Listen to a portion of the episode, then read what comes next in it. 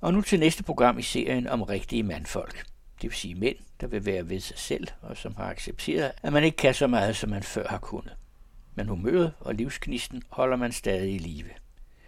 I dag har Egon Clausen en samtale med Alex Jensen, der bor i Esbjerg.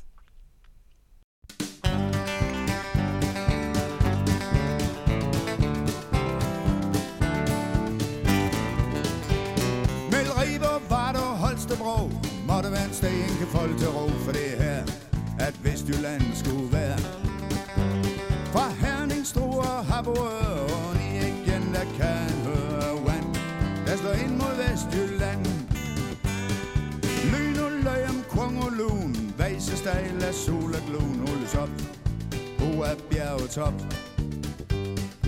Esbjerg, Dagbjerg, Grønbjerg, Hu Kan I høre der bjerg, hold ved de lo For den kan flyve fra Blåbjerg til Blåhøv der stod Danmarks største skorsten, og her de skarpe småsten, de kan skære. Det er derfor folk de rynker panden og tænker mere end i andre lande, de klo. Det damper som en tog. Det er musikeren og sangeren Hans Times, som er fra Vestjylland, og han synger en sang om en mand, der er født i Vestjylland, og øh, det er det, vi skal høre om i øh, det program i dag. Jeg, jeg, jeg har haft et øh, noget anderledes, men væsentligt mere spændende liv, end mange andre mænd i min alder har haft. Det siger Alex Jensen. Han er født i 1954 og han voksede op i Esbjerg sammen med sin mor og tre brødre. Opvæksten har præget ham dybt. I dag er han 68, og han spørger. Hvad, hvad er det, der har gjort, at jeg blev den, jeg er i dag? Ikke? Da Alex var fem år, forlod faren hjemmet, det vil sige, moren smed ham ud, for han drak. Han var voldelig, og han hårede udenom. Ja, han gjorde alt det, som en ordentlig mand ikke må gøre, siger Alex, men han var jo også en far, og han blev en fraværende far. Og når Alex i dag fortæller om sine tidlige år, så hører jeg historien om en dreng og en ung mand, der søger efter en faderlig autoritet. Men Alexes historie handler dog ikke om sorg og savn, i det mindste ikke direkte – for der er meget andet at sige. Øh, og så alle de der værdier fra mor, Øh, som var sygeplejerske, ikke? Øh, altså det er jo mine grundlæggende livsværdier i dag. Og øh, første gang, øh, mor var også socialdemokrat, første gang jeg hørte det, det var da min storebror han skulle stemme første gang. Og så på vej hjem ud fra øh, valglokalet, så siger mor, hvad stemte du så, Kai Emil? Jamen, han stemte på ham, den nye, ham der fremskridtsmanden, Mogens Glistrup. Og så kunne jeg se, at mor hun blev skuffet. Øh, og der havde jeg lige inden set, at hun havde været stiller i en annonce i avisen for øh, borgmester Henning Rasmussen. Og da, hun, da mor så blev skilt fra far, og vi flyttede, så flyttede vi ud i noget af det første sociale boligbyggeri i Esbjerg, øh, Gefondsparken. Og der kom Henning Rasmussen en dag ud og besøgte hende, og gik en tur rundt i, i området derude øh, og hørte om, om mor var tilfreds. Øh, og det er først senere, det gik op for mig, at det var Henning Rasmussen, så spurgte jeg om mor. Øh, men ellers så har hun aldrig nævnt, hvem jeg skulle stemme på, og hvad hun synes, der var det rigtige eller forkerte. Nej, det vigtigste, det var, ja, det var i virkeligheden de 10 bud. Behandle hinanden ordentligt, som du selv vil behandles. Hjælp, hvor du kan, og alle sådan nogle ting. Og det, hun var aldrig moraliserende men, men øh, hun var nok mere glad, når vi gjorde det rigtigt. Men der voksede du så op med en enlig mor, og, og det har så betydet noget for dig? Ja, og tre, tre brødre, ikke? Og, og vi manglede jo aldrig noget. Mor prioriterede at købe fjernsyn, øh, så, så øh, ungerne fra kvarteret kunne komme ind og se fjernsyn inde ved os, inde ved fattigrøvene. Øh, og der var altid ost og rugbrød, og hvad det hedder, saftevand, og hvad der nu skulle til, når der var børn på besøg.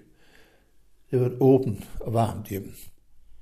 Som dreng var Alex noget af en rod, og allerede som 13-årig Så blev han sendt på langfart som skibsdreng. Og da han kom hjem, arbejdede han i fisk, som det hedder i Esbjerg. Han var på Vestkraft, han var lastbilchauffør, og han var på forskellige virksomheder i Esbjerg og Bramming. Senere så blev han aktiv i AOF, Arbejdernes Oplysningsforbund, og der gjorde han karriere og endte som skoleleder, så det gik bare af. Men så, en dag, da han var 54 år, blev han ramt af en blodprop i højre side af hjernen, og hans liv kendtrede også i den grad.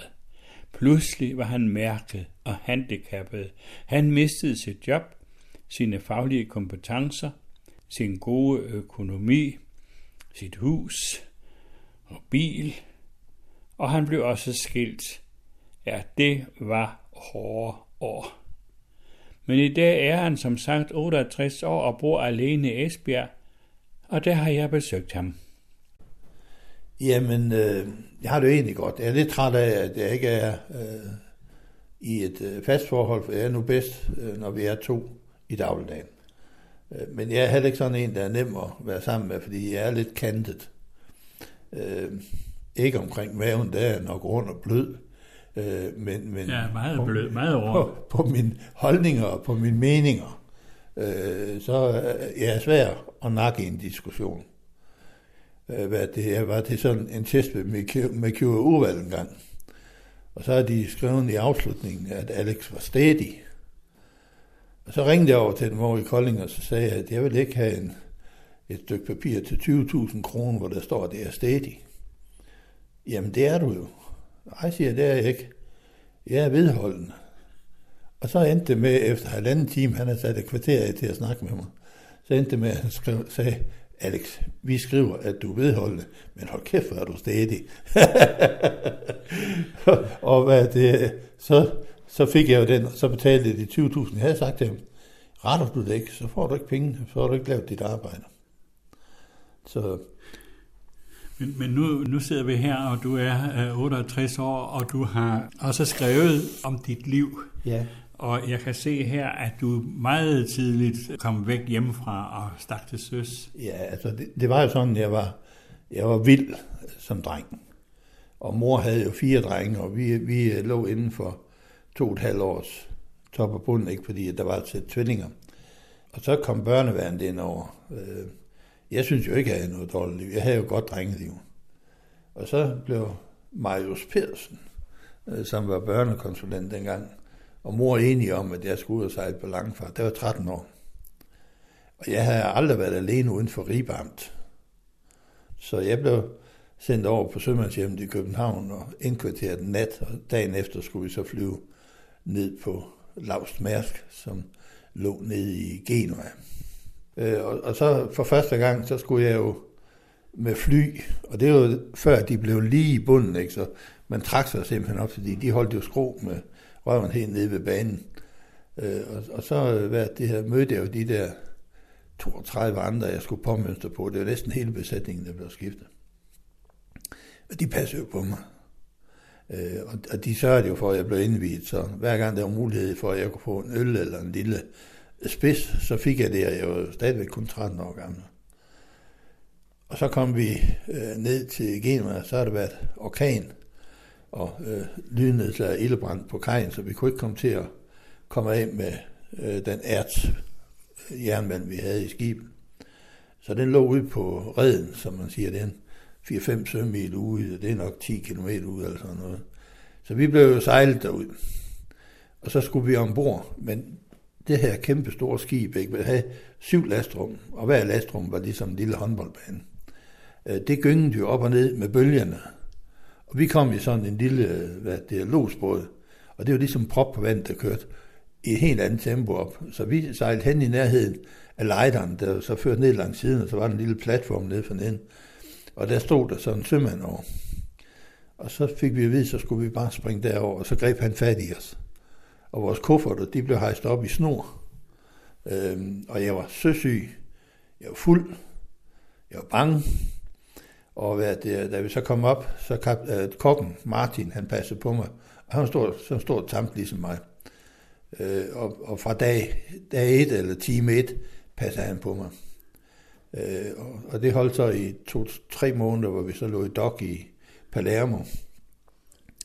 Og øh, så øh, hvad det her en dag skulle han op i byen, og så kom han død tilbage. Han øh, havde fået en blodprop, mens han sad på en bar. Og der faldt hele min verden fra, fordi han var sådan, i den situation, mit øh, holdepunkt. Og du var stadigvæk kun 13 år? Jeg var stadigvæk kun 13 år. Og ham der, der havde sendt mig ud, det skal lige med Marius Pedersen, ikke? Så går jeg i kirken nu, nu er jeg kommet i menighedsrådet her i min lokale kirke, og der har vi noget, der hedder herværelset. Og så en dag, hvor jeg skulle fortælle om mit liv, ligesom jeg gør nu, så fortalte jeg jo, at jeg var blevet sendt ud og øh, sejle som 13 år. Og så siger ham der, Marius Pedersen, ham kendte jeg godt, ham har jeg arbejdet sammen med, han var et fjols. Så siger han, vi er enige, vi er kammerater.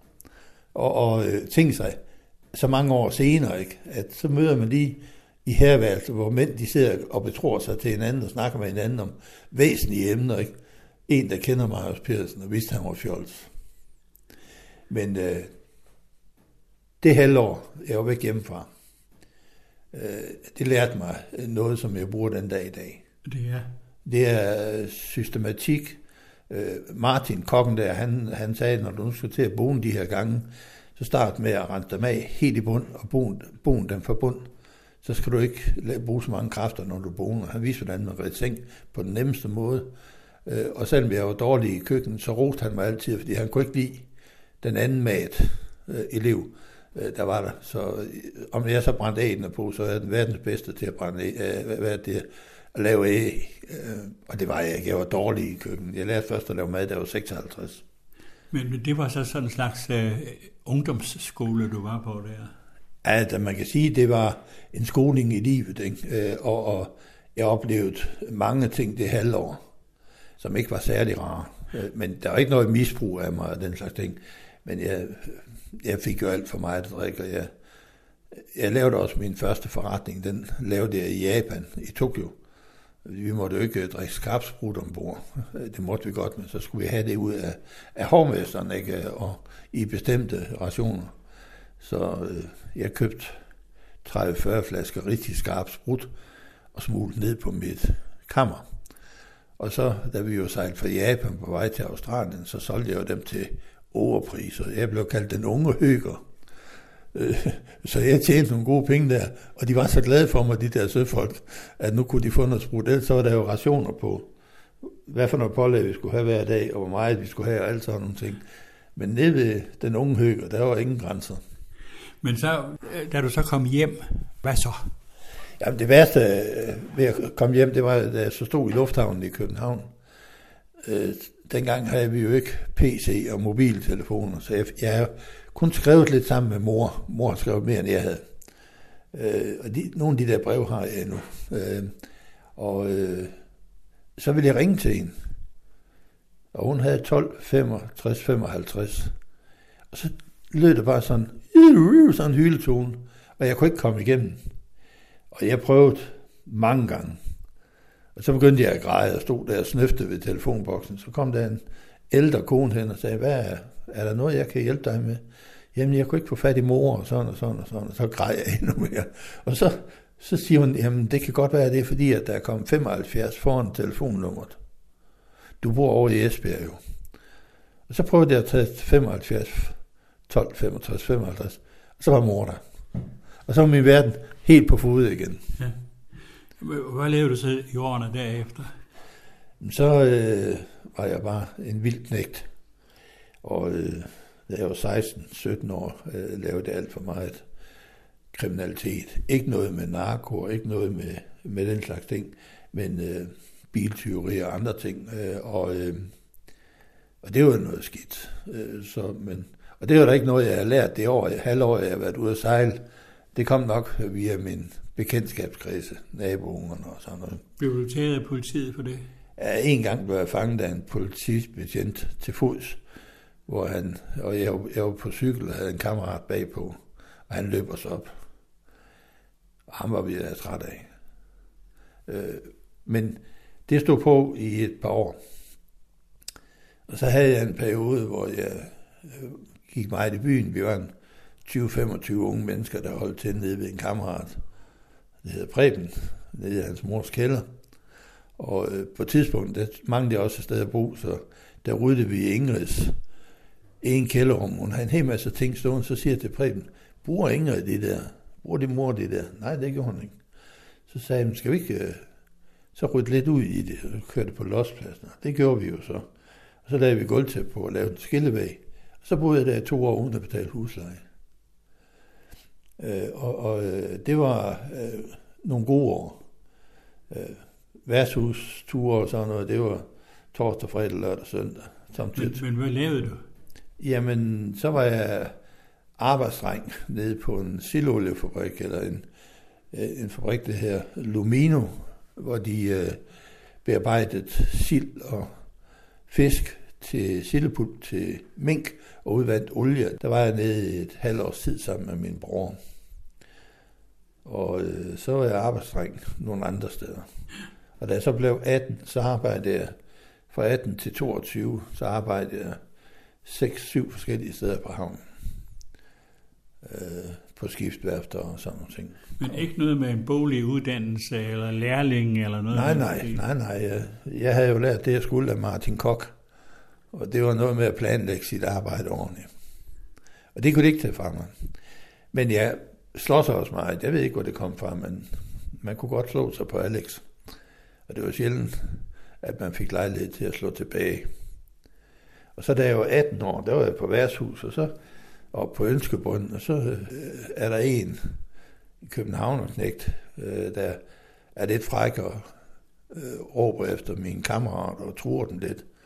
Og så siger de, Alex, ham der, der står oppe ved barn der, kan du ikke lige gå op og sige til ham, det gider vi ikke have herovre. Og så gik jeg jo op til ham og sagde, at du skal holde op med at opføre dig så dumt. Jeg kan forstå, at du kommer fra København, men derfor kan man godt opføre sig ordentligt. Og så slog han jo ud efter mig. Og så blokerede jeg, det var jeg jo forberedt på. Og så, øh, så nikkede jeg ham skal. Og så tænkte jeg, nu er han fat. Han, han fik også en knæ på vej ned, og så holdt jeg ham ned langs vejen, og han gled sig ned. Og så lå han dernede, og så tænkte jeg, nu må han da være færdig. Og så vendte jeg mig rundt og gik. Men han var ikke helt færdig, så han rejste op, og så tog han en stor kniv, sådan en 17 cm kniv med blodriller øh, og, og savtakker. Og den har han ind i ryggen, og så skar han rundt, og så kom han til at, at skære den øverste tredjedel af min nyre. Og jeg faldt jo omkuld der, og jeg jeg den tomtot ind i hullet for at stoppe blodet. Og folk de gik og sparkede til mig og flyttede de fulde svin, indtil der var en, der så min lys øh, hvide t-shirt, der var helt rød og lå i en pøl af blod. Og så fik de jo fat i en ambulance. Og jeg blev indlagt, så lå jeg sådan tre dage på vippen til at dø. Og mor hun sad og holdt mig i hånden. Og øh, så, øh, så var det her, så kommer min tvillingbror Bernd og nogle kammerater på besøg, og sygeplejersken siger, at I skal være stille og rolige. Alex må ikke øh, øh, blive ophidset eller noget. Han, skal, han er meget syg. Og så stiller de sig jo en flok rundt omkring, og så fortæller de vidigheder. Og jeg griner, og jeg fortæller jo vidigheder tilbage. Og det skete også, de grinede af mine vidigheder. Og så lige pludselig, så øh, det har været for meget, så fik jeg feber 41,5 eller sådan noget, var ved at dø. Og, og alle gutterne, de blev smidt ud. Øh, men jeg døde jo ikke. Jeg overlevede jo både knivstik og efterfølgende sikane fra mine venner og min familie. Hvorfor sikane? Jamen, fordi de øh, hisser mig op, selvom de, ved, de, ikke måtte, de får at vide, de ikke måtte. Jeg, jeg var syg. Og Bernd, Bernd, min bror, han siger, at det var, det var simpelthen fordi, at øh, dengang jeg var oppe foran de der, han, fik, han havde sådan en tvilling, der bylle i røven, og dem fik han øh, øh, opereret væk. Og så gik jeg op og, og hvad det her, løsnede øh, hjulene på sengen og kørte ham ud midt i, rødet, midt i rummet, og hovedgager og bengager op, så han lå i sådan en V. Og han var fandme sur på mig, ikke også? Det kunne jeg ikke forstå. Men det husker han så, da jeg blev syg. Og så mener han bare, at det var hævn. Så siger han, du er ved at slå mig ihjel. Ja, spildt der. Men, men den, der, den der episode, har den betydet noget for dig, udover, som du nu kan fortælle om? Det, det, det med kniven i ryggen har jeg så klart. Øh, fordi altså min nyre fungerer jo ok, men hvis jeg arbejder, og jeg sidder i nogle dårlige stillinger, så kan det godt krampe. Øh, og, og så gør det sgu ondt. Øh, og så sidenhen, så har jeg fået en blodprop i hjernen, ikke? og den gjorde mig jo halvtidig lammet i venstre side, den samme side. Men det var mange år senere. mange, Skal lige mange, have mange at vide, år. hvad der skete i mellemtiden? Ja, ja. Men, men, men så var jeg jo rundt og arbejde de der steder i Esbjerg på havnen. Og øh, så som 22-årig, der begyndte jeg at træne taekwondo. Og øh, det, havde, det havde de hørt, øh, hvad det hedder, ude i taekwondo-klubben. At Werner Barlow og mig, vi, vi ville ud og træne taekwondo. Og Werner, han var en af mine kammerater, vi kunne godt tage nogle ture sammen. Og jeg tænkte, den der sommeraften, der jeg kom ud for at træne taekwondo, at vi skulle træne på, ude på boldmarken. Hvorfor skulle vi det? Og der, jeg tror, der var 15 eller 20 instruktører. Jeg tænkte, det, det er jo godt nok mange. Så sidenhen så blev jeg formand for taekwondo-klubben. Og så fik jeg at vide, at det var fordi, de troede, vi kom for at lave larm og ville udfordre øh, de andre taekwondo-udøvere og, og være, det her, være fræk. Du havde sådan et ry for at være ballade Ja, men jeg var jo ballade med, og det var, det var værd også lidt. Og nu, hvis han hører det her, så vil han sidde og nikke. Det burde du ikke have sagt, Alex. Men det har jeg jo sagt nu, det kan jo ikke tages tilbage, anden hvis du sletter det. Men det skal du ikke. Og så blev jeg jo hurtig træner. Og øh, der gik heller ikke ret lang tid, så blev jeg jo formand. Og så blev Esbjerg Taekwondo Klub og taekwondo som sådan, det var i 10 år. Det væsentligste i mit liv. Alt andet, det måtte underordne sig taekwondo. Altså, du øh, var sådan en rod, du øh, var, var stadig her, du var ikke stadig, du var vedholdende, og, og, og du, Du følger godt med, Ivan. ja, og, og, og, og det der, og du var sådan en rod og havde ry på at være en slagsbror, men så kommer der her i den der taekwondo en mulighed for, at du kan vise en anden side af dig selv, hvor du bliver formand og tager ansvar for en forening og bygger den op. Ja. Tror du, at når du var sådan en rod, dengang du var en stor dreng og en ung mand, det var fordi, at du på en eller anden måde virkelig var, jeg vil ikke sige hjemløs, men rådvild? Ja, jeg har tænkt meget over, hvad det skyldes, ikke? fordi jeg har jo fået en fantastisk opvækst ved min mor. Øh, tryghed. Øh, og gået i gode skoler. Folkeskoler. Og jeg er da ikke blevet smidt ud af nogen af dem. Jeg dumpede i anden klasse, fordi jeg var lidt umoden. Øh, men så da jeg var kommet til 5. klasse, så sendte de mig på boglig linje i Boldsager skole, 200 meter herfra. Øh, fordi der her var jeg begyndt at tage fra. Øh, og så, så senere kom jeg på efterskole. Og øh, den første efterskole, det var Kongårdagens efterskole. Og da jeg om efteråret skulle snakke med min lærer, det var et ægtepar, jeg kan ikke huske, hvad de hedder, øh, så, øh, så siger de, jamen, så skal du jo til prøve her om lidt. Ej, siger jeg så, det skal jeg da sammen, sammen med de andre i foråret. Nej, men du er så langt nu, Alex, at du tager en prøve her i efteråret, og der får du et klassetrin, og så tager du en prøve i foråret, og det klarer du også, og så får du et klassetrin mere, så har du indhentet anden klassetrin. Øh, Og det betød at jeg har fået smag på at lære, øh, og der var gode rammer. Og senere kom jeg også på universitet i Aalborg og tog en universitetsuddannelse og taget herud, en diplomuddannelse herud, efter at øh, jeg fik min blodprop. Øh, så jeg har fået lyst på at lære. Og noget af det, det tilskriver jeg så klart min opvækst med mor, og så bestemt Martin Kok på skibet Lavsmærsk. Øh, fordi at, at det er jo sådan nogle holdepunkter med det. Og senere hen er der også kommet andre mænd, som har været meget for mig, blandt andet en hjemmevejleder øh, ude i Bramming, der hed Leo Sonneby, øh, som øh, indtog sådan en faderrolle i forhold til mig, uden at tage over. Men han, hans børn gik til taekwondo, og han, var, han hjalp mig med mange ting der.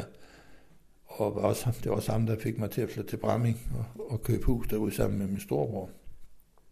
Og han kautionerede også. Men, men det, som jeg stod så lidt over, det er, at du som barn, øh, dreng og ung mand, og langt op der i ungdomsårene, der var det bare kræfter og alt muligt, men da du så fik mulighederne, så viste det sig, at du kunne meget mere.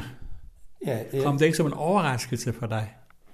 Nej, nej, for jeg gjorde det jo bare ikke. Og- Og jeg har sådan set hele mit liv øh, taget fat på opgaver, jeg egentlig ikke var uddannet til, eller havde kompetencer til. Øh, men så de værdier, jeg har fået med fra mor, øh, og det, jeg har lært i taekwondo. Og i taekwondo, der lærte jeg at få styr på min egen aggression.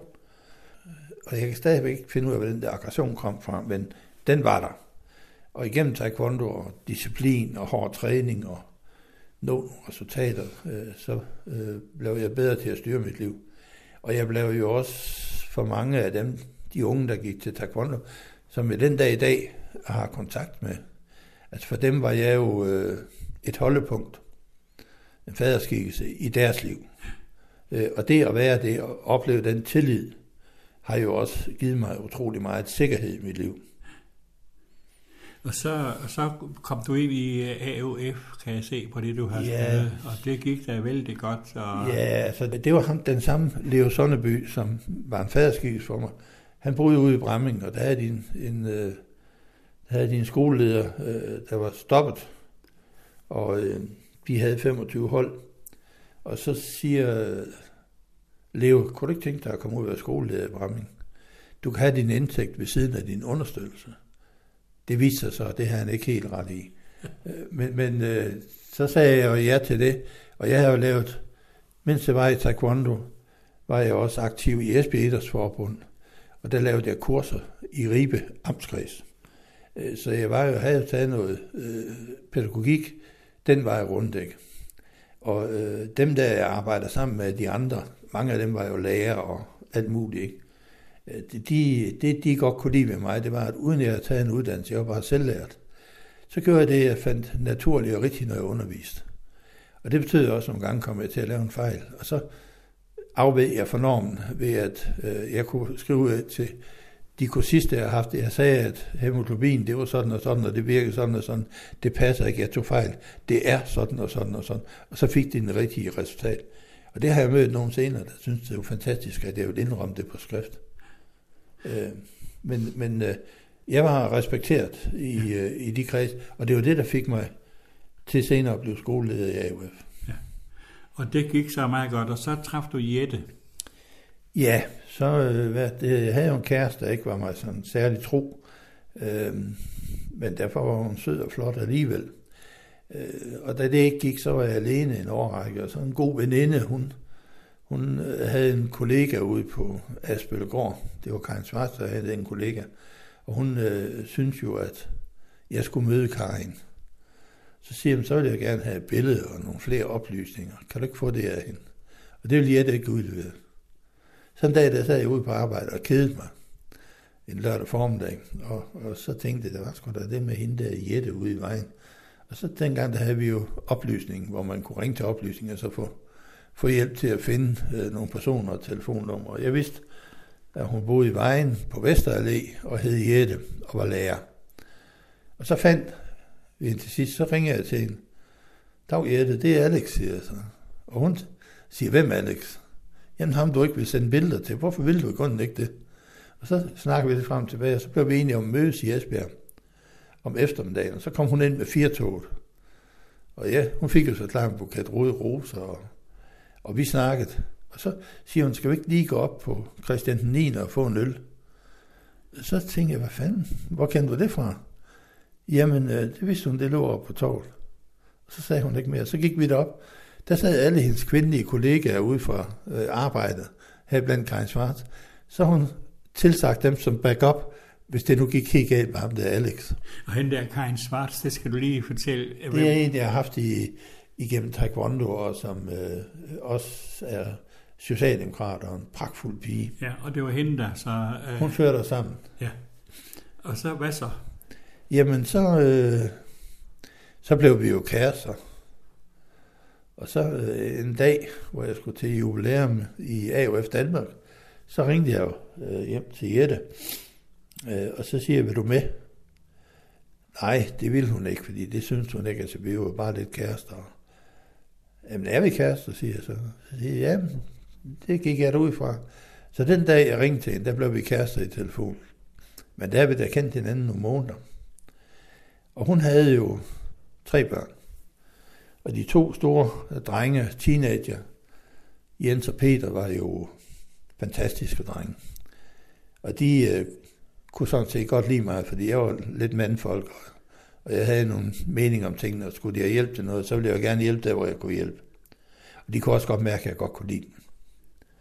Og øh, så fordi, at jeg og mig ikke helt kunne blive enige om, at jeg skulle have lov til at blive ved med at være, som jeg var, kendte og frembrusen og udadvendt og sådan noget, ikke? så hun synes, jeg skulle lave som.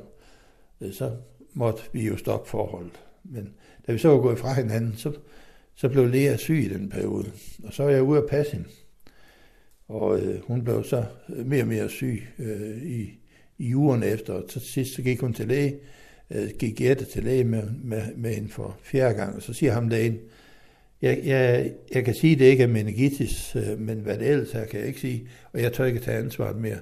Og så bare bu, bu, bu med en ambulance ind på sygehuset. Og så viste det sig, at hun havde en svulst i hjernen. Og hvor gammel var hun da? Der var hun fire år. Fire år, ja. Og så, øh, hvad det hedder, øh, Jette og jeg var flyttet fra hinanden. Så købte jeg hus inde i Esbjerg. Og jeg fik det købt lige, så der var plads til Jette og Lea og mig. Og øh, så flyttede de jo ind til mig. Og Jette solgte sit hus ude i, i vejen. Og så var Lea syg i 4-5 år. Og til sidst øh, døde hun så efter gentagende operationer og stråler, og jeg ved ikke hvad. Det var meget pinefuldt, hva'? Ja. Øh, og, og smertefuldt. Og hun døde i sommeren 4, og i efteråret 3 fik vi at vide lægen, at de mente, at, at hvis hun kom til at leve et voksenliv og teenage-liv, ville hun være frygtelig belastet af øh, senskader, øh, og endnu mere, hvis hun fik flere operationer. Og øh, så de anbefalede, at hvis der kom flere sulter, så skulle hun ikke opereres. Og det var dødsdommen. Øh, og jeg græd jo som pisket, ikke? Øh, så, og det, eller Jette var jo også øh, frygtelig belastet af det, så vi, vi tog til Skive og snakkede med drengene og øh, fortalte dem, hvordan det så ud med lille søster. Øh, og så døde hun øh, i øh, juli 2004 og lå derhjemme i terminalfasen og øh, fik en flot begravelse og blev sunget ud af i øvrigt af Trine Gadeberg, fordi hun var kollega med Jette derude, hun arbejdede. Så det var med skøn sang ja, på åbne men... vindue, og øh, trompetspil af, af Trines kæreste i kirken. Og så fik vi sagt farvel til Lea. Men det er jo ikke lavet om på, at den dag i dag, øh, hver dag, er Lea i mine tanker, og når det kommer til ikke at give op, og se muligheder, og øh, i det hele taget tro på, at man kan komme videre, det har jeg rigtig meget for Lea, fordi hun var en fighter. Men, men altså, sådan en, et, et dødsfald, det kommer man jo aldrig over, og der er slet ikke moren. Nej, og, og Jette fik jo også posttraumatisk stress, og der var en øh, to-tre år, hvor hun virkelig var nede i tempo. Så kom hun i gang med et kurs på seminaret, og, og begyndte at male derhjemme, og vi, vi byggede en udstue, hvor hun kunne stå ud og male i det dejlige lys. Øh, og havde en god, stille og rolig og tryg øh, tilværelse i nogle år. Og så var det jo så i 2008, hvor vi havde været til fest ude i Vamdrup, at øh, jeg øh, om natten faldt rundt på, på græsset og, øh, og blev ramt af en øh, blodprop i venstre side af hjernen. Det kom lige pludselig? Eller det kom i højre side af hjernen, ja. Jeg er, og, og hvad det hedder, efter vi havde danset, så havde jeg sat mig ud ved et bord, hvor de andre, der havde ikke set hele aftenen, og jeg sad bare og kiggede ind i teltduen. Og øh, jeg sagde ikke noget. Så Jette, hun sætter sig ved siden af, og så siger hun, hvorfor siger du, hvad er der med dig, Alex? Hvorfor sidder du her? Og så sagde jeg noget frygteligt vrøvl. Men det var jeg Jette ikke så bekymret over, fordi når jeg var fuld, så havde jeg samtidig før øh, sagt mig frygteligt vrøvl. Og så ville hun have op, op og stå, ikke? Altså hun var jo for landet, øh, og når der er noget, så skal man bare op og stå og have noget frisk luft og motionere, og have noget godt at spise. Men da jeg så kom op og stå, så væltede jeg rundt, Og øh, det var fordi, at jeg var halvtid i lammet i venstre side. Og så fik de jo fat i, der var en 4-5 frivillige brandfolk, og de havde gode kontakter til Falk. Så de fik, fik bestilt en, en falktaxa til mig, så jeg kunne komme på sygehuset. Og den holdt sig der i indkørsel med fuld lys i kvarter 20 minutter. Og, øh, og hvad det, dem, alle dem der, der stod og kiggede, de kunne jo se, at de der redder, de bøjede sig om, og de snakkede, og de øh, lavede alt muligt. Og det er jo fordi, at de kobler alt muligt udstyr til, og så kan de se over i Odense via telemedicin, øh, hvor galt det er. Øh, og, og så tager de jo stilling til, skal han til Odense? Skal han til Esbjerg? Eller skal han direkte til krematoriet? Og det blev så Esbjerg sygehus, 300 meter fra, hvor jeg boede, da det blev boet. Men du skriver her øh, i din bog, at med et slag, så øh, var du mærket og handicappet, og jeg mistede følgende, vores gode økonomi, mit spændende job, mine faglige kompetencer, mit arbejde, vores hus blev sat til salg, vores bil blev solgt, og, og øh, så oven i det, så kom der skilsmisse. Ja. Det er en frygtelig række af... Ja, ja, man, der er ikke, det er jo ikke en positiv periode. Men, men øh, Jette kæmpede jo øh, for mig, øh, og men jeg kunne se, at jeg var blevet en djævel at være sammen med, for jeg, øh, den, der får mest øh, vrede, det er jo den, der er tættest på, ikke? og det var Jette, så alt det, jeg har mistet, det kom ud i negativ adfærd. Så uanset hvor god hun ved mig, var ved mig, var jeg dum. Og det kunne jeg godt selv se. Og måske var der også nogen, der hjalp mig til at se det. Så jeg sagde, at jeg vil gerne skille Jette, øh, fordi at øh, det her, det er ikke den mand, du er blevet gift med. Øh, det er en helt anden mand. Men det skal meget mod til at sige det, skal det ikke? Jo, men jeg kan jo selv se, hvor ringe jeg var, hvor dum jeg var, ikke? Så ja, Jamen, jeg, øh, jo, mod og, og så klar også noget selvindsigt. Og jeg kunne også godt læse på Jette, at hun indimellem var træt af det hele, og synes, det var bøvlet at være pårørende til en hjerneskadet. Øh, så siger hun, det vil hun under ingen omstændigheder. Men en kvarter senere, der sagde hun ja til at blive skilt.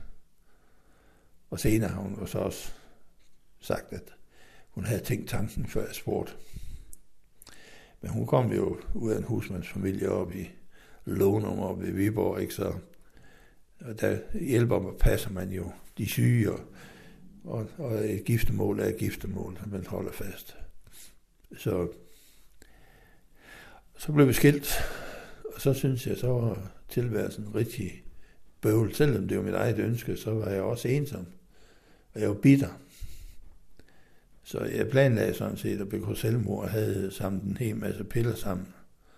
Og så, så ville jeg lige have, at Jette, hun skulle øh, lige flytte adresse hjem til mig, og så kunne jeg via min forsikring, min pension, kunne jeg, hvis hun blev gjort til særlig begrundsigt, og det krævede, at vi havde samme adresse, så kunne jeg gøre hende til særlig begunstiget, og det vil betyde, at når jeg døde, så ville hun få krydslivsforsikring på huset i Rolfsgade. Det var i hvert fald en lille million, øh, og øh, så ville hun få en engangserstatning på en halv million, og så ville hun få en livslang enkepension. Og da, hun, da jeg så begyndte at snakke om det der med, at så kunne vi lige øh, uh, flytte sammen en periode for fælles adresser, så lugtede hun lunden. Og så blev hun fandme vred. Så sagde hun, du skal fandme ikke begå selvmord. Hvad med drengene, og hvad med mor og far, og, og alle dem, der godt kan lide dig? Hvad vil du derind? Og så fik jeg en ordentlig skideball. Og så de efterfølgende to-tre uger, der kom hende der kontaktperson fra kommunen og venner og bekendte. Jeg blev jo rendt over fod af, af folk hver dag. Jeg havde ingen fred. Og det var Jette, der satte det i gang. Der dukkede hende der Karin Schwarz også op. Ja, hun var, også, hun var der også, ja. Hun kom også til min dør en dag, en dag hvor hun vidste godt, at jeg havde det dårligt. Og øh, så døren ulåst, og hun gik ind, ikke? og hun var bange for, hvad hun skulle se. Og jeg lå derhjemme og var død. Og der, havde jeg, der var jeg flyttet ned lige over for Esbjerg City Taekwondo Klub. Øh, den nye øh, Taekwondo Klub i Esbjerg. Så den boede jeg 50 meter fra, og var også aktiv i. Så Karin, hun har sådan været on and off i mit liv hele tiden. Men, men, men du skriver også, at den der beslutning om skilsmisse fra Jette, det siger du, det var måske ikke den klogeste beslutning. Nej, fandme nej, hun var en fantastisk kvinde. Og ydmyg var hun jo smuk og øh, ordentlig. En god pige. Men altså, det er jo ikke... Man kan jo ikke gøre de dumme beslutninger om. Men du var i sådan et, et mørkt, øh, en mørk periode af dit liv. Du ja. siger, at det var halvandet år. Ja, det var jo længere, men så, så tænkte jeg, at øh, jeg måtte jo gøre noget for at komme videre. Så fighteren øh, kom frem. Og så begyndte jeg at, at spille teater med Esbjerg-spillene, hvor vi lavede egen spil. Og hvor jeg lærte jo utrolig meget om min by, Esbjerg, og hvor jeg har fået rigtig mange gode venner. Og så begyndte jeg at synge gospel. Jeg synger jo af helvede til, men når vi er en 40, 50, 60 stykker, så, øh, og jeg ikke kan teksten, så siger dirigenten, så synger du bare vandmelon. Men lad være med at synge for højt. men, men, men efter sådan en uh, blodprop, som du fik, så har man, kroppen har vel nogle skader efter det? Ja, altså jeg havde jo den der halvtidige lammelse, den øh, fortog sig. Ikke på grund af min genoptræning, men jeg var bare heldig, fordi jeg var doven. Og jeg var ikke heldig, fordi jeg var doven. Men selvom jeg var doven, så var jeg heldig. Og, øh, og, og jeg har næsten den fulde førlighed i venstre side. På nær, hvis jeg arbejder mere end en halv time i streg, så får jeg kramper. Og ignorerer jeg dem, så gør det ondt i mange dage. Øh, så, øh, men, så, men... så den forventer jeg, så har jeg så klart noget træthed. Men jeg fandt jo ud af, at hvis jeg, hvis jeg sagde til hjernen, nu holder du kæft, og nu bestemmer Alex med hjertet, at nu skal det være sådan og sådan, så kunne jeg vinde over hjernen. Øh, og, og det er meget rart at vide, når det, man har en dum dag, at nu skal bare tænke på det positive. Men stadigvæk den periode, du fortalte om her med, med den lille piges øh, død, ja, ja. Og, og dig selv og Jette, I brød med hinanden, selvom I vidste ikke gjorde det alligevel. Det er helt vel. Vi er, vi er jo gode venner i dag og har kontakt i dag. Også selvom, at, at jeg endte jo med at få gældsanering, så, så min gæld, den overtog Jette også, fordi vi havde hæftet solidarisk. Ja. Øh, men, men det blev hun jo ikke vred over, fordi jeg havde jo holdt hende orienteret over, nu var jeg der, der nu gjorde sådan og sådan. Så hun fik jo da en god del af min gæld. Øh, det, det var da en tung byrde at, at have med sig ind ja. i øh, den alder, du har nu. Der ligger sådan nogle ting, og ja. du må da have fået nogle frygtelige ar på sjælen. Altså nogle gange har jeg jo været, der, der var jo ting, jeg godt kunne have gjort anderledes. Øh, og øh, min realisme ud i økonomi øh, blev overskygget af, at jeg ville have det sidste hjem. Og det skulle bare være, som jeg kunne holde ud og leve der, indtil jeg skulle dø. Jeg skulle bæres ud. Øh, så jeg har jo overinvesteret øh, og taget en masse kviklån og sådan noget. Men det er jo fået gældsanering af, så jeg om tre år, så er jeg fuldstændig gældfri. Og så har jeg en rigtig god økonomi. Men stadigvæk, hvordan har du det med altså, den der tunge fortid nu? Du skal ikke undskylde, fordi at du kan have svært ved at stille de rigtige spørgsmål. Jeg skal jo også opfatte det rigtigt, så, så hvis jeg ikke gør det, så... Men jeg har det faktisk øh, ok. Jeg er jo alt for meget alene, og vil gerne øh, finde den sidste kvinde i mit liv. Om det kommer dertil, det ved jeg ikke, men øh, hvis der er en, der er modig, så kunne vi jo prøve det af. Men du er jo øh, i en alder, hvor, hvor hvad skal man sige, dine seksuelle lyst er muligvis stor, men dine evner er ikke så stor. Jamen, jeg har jo haft en, øh, hvad det hedder, en impotent og gået til behandling øh, i øh, Aalborg ved Astrid, professoren der var på en dygtig. Øh, så øh, via sådan noget behandling på svulmelæmerne og sådan noget, genvandt jeg jo evnen. Den er ikke som, der er jo helt ung, men der var den jo også styrende i mit liv. Øh, nu kan jeg da godt finde ud af at, leve uden, at det er den, der bestemmer det hele. Øh, og så sætte fokus på nogle andre ting, der er vigtige for mig. Og, og noget af det, jeg sætter fokus på i dag, det er jo gospelkort.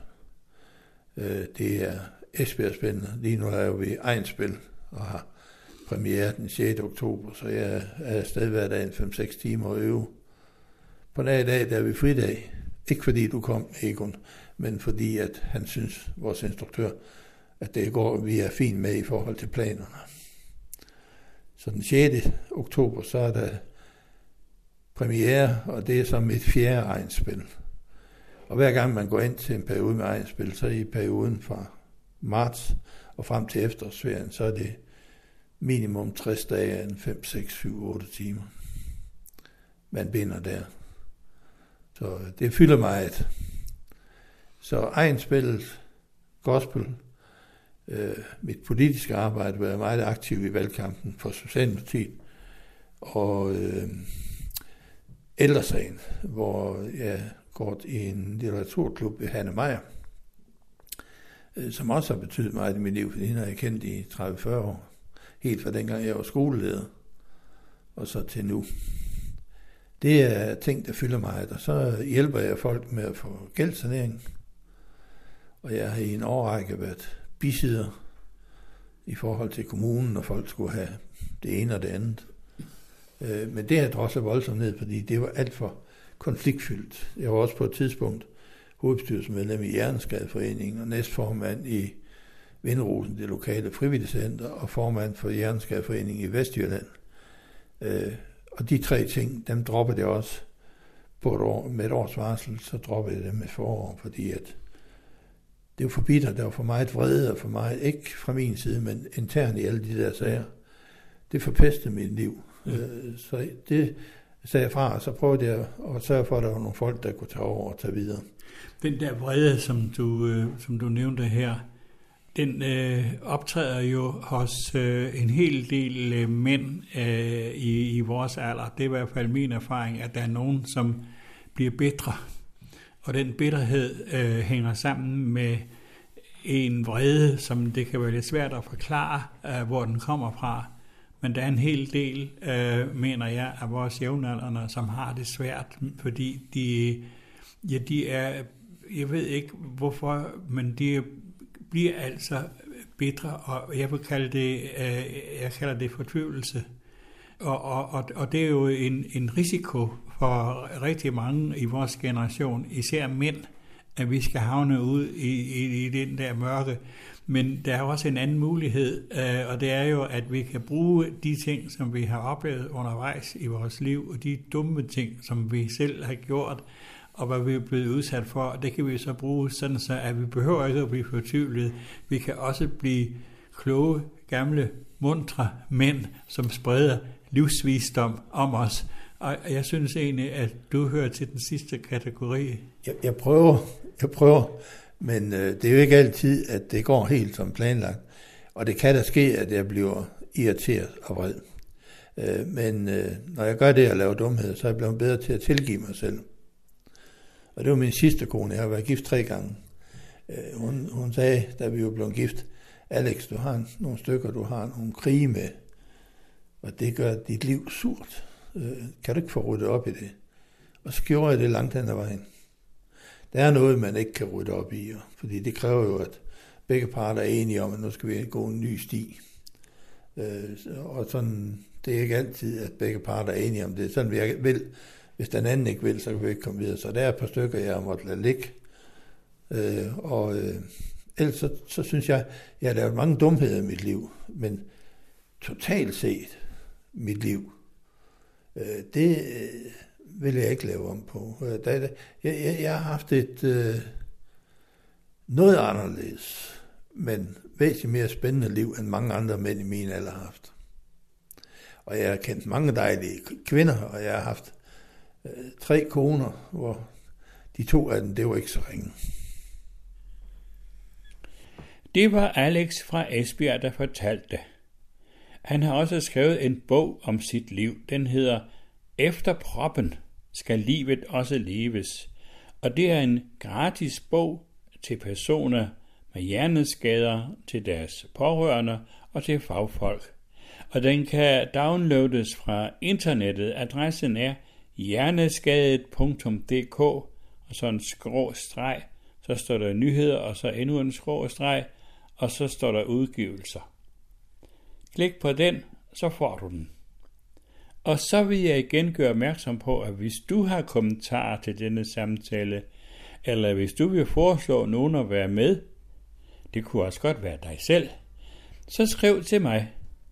Det program her har sin egen mailbox. Adressen er mandfolk pc.dk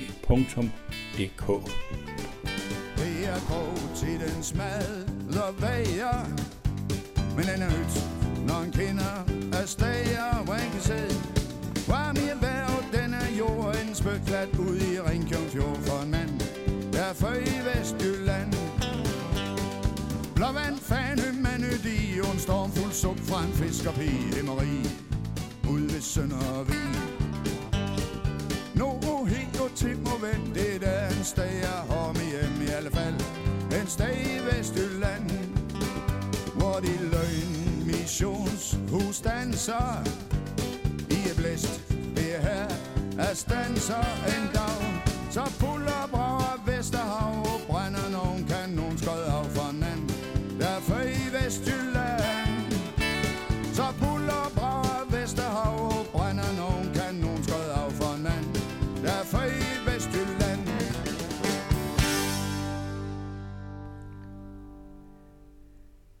Det var det tredje program i serien med gamle mænd.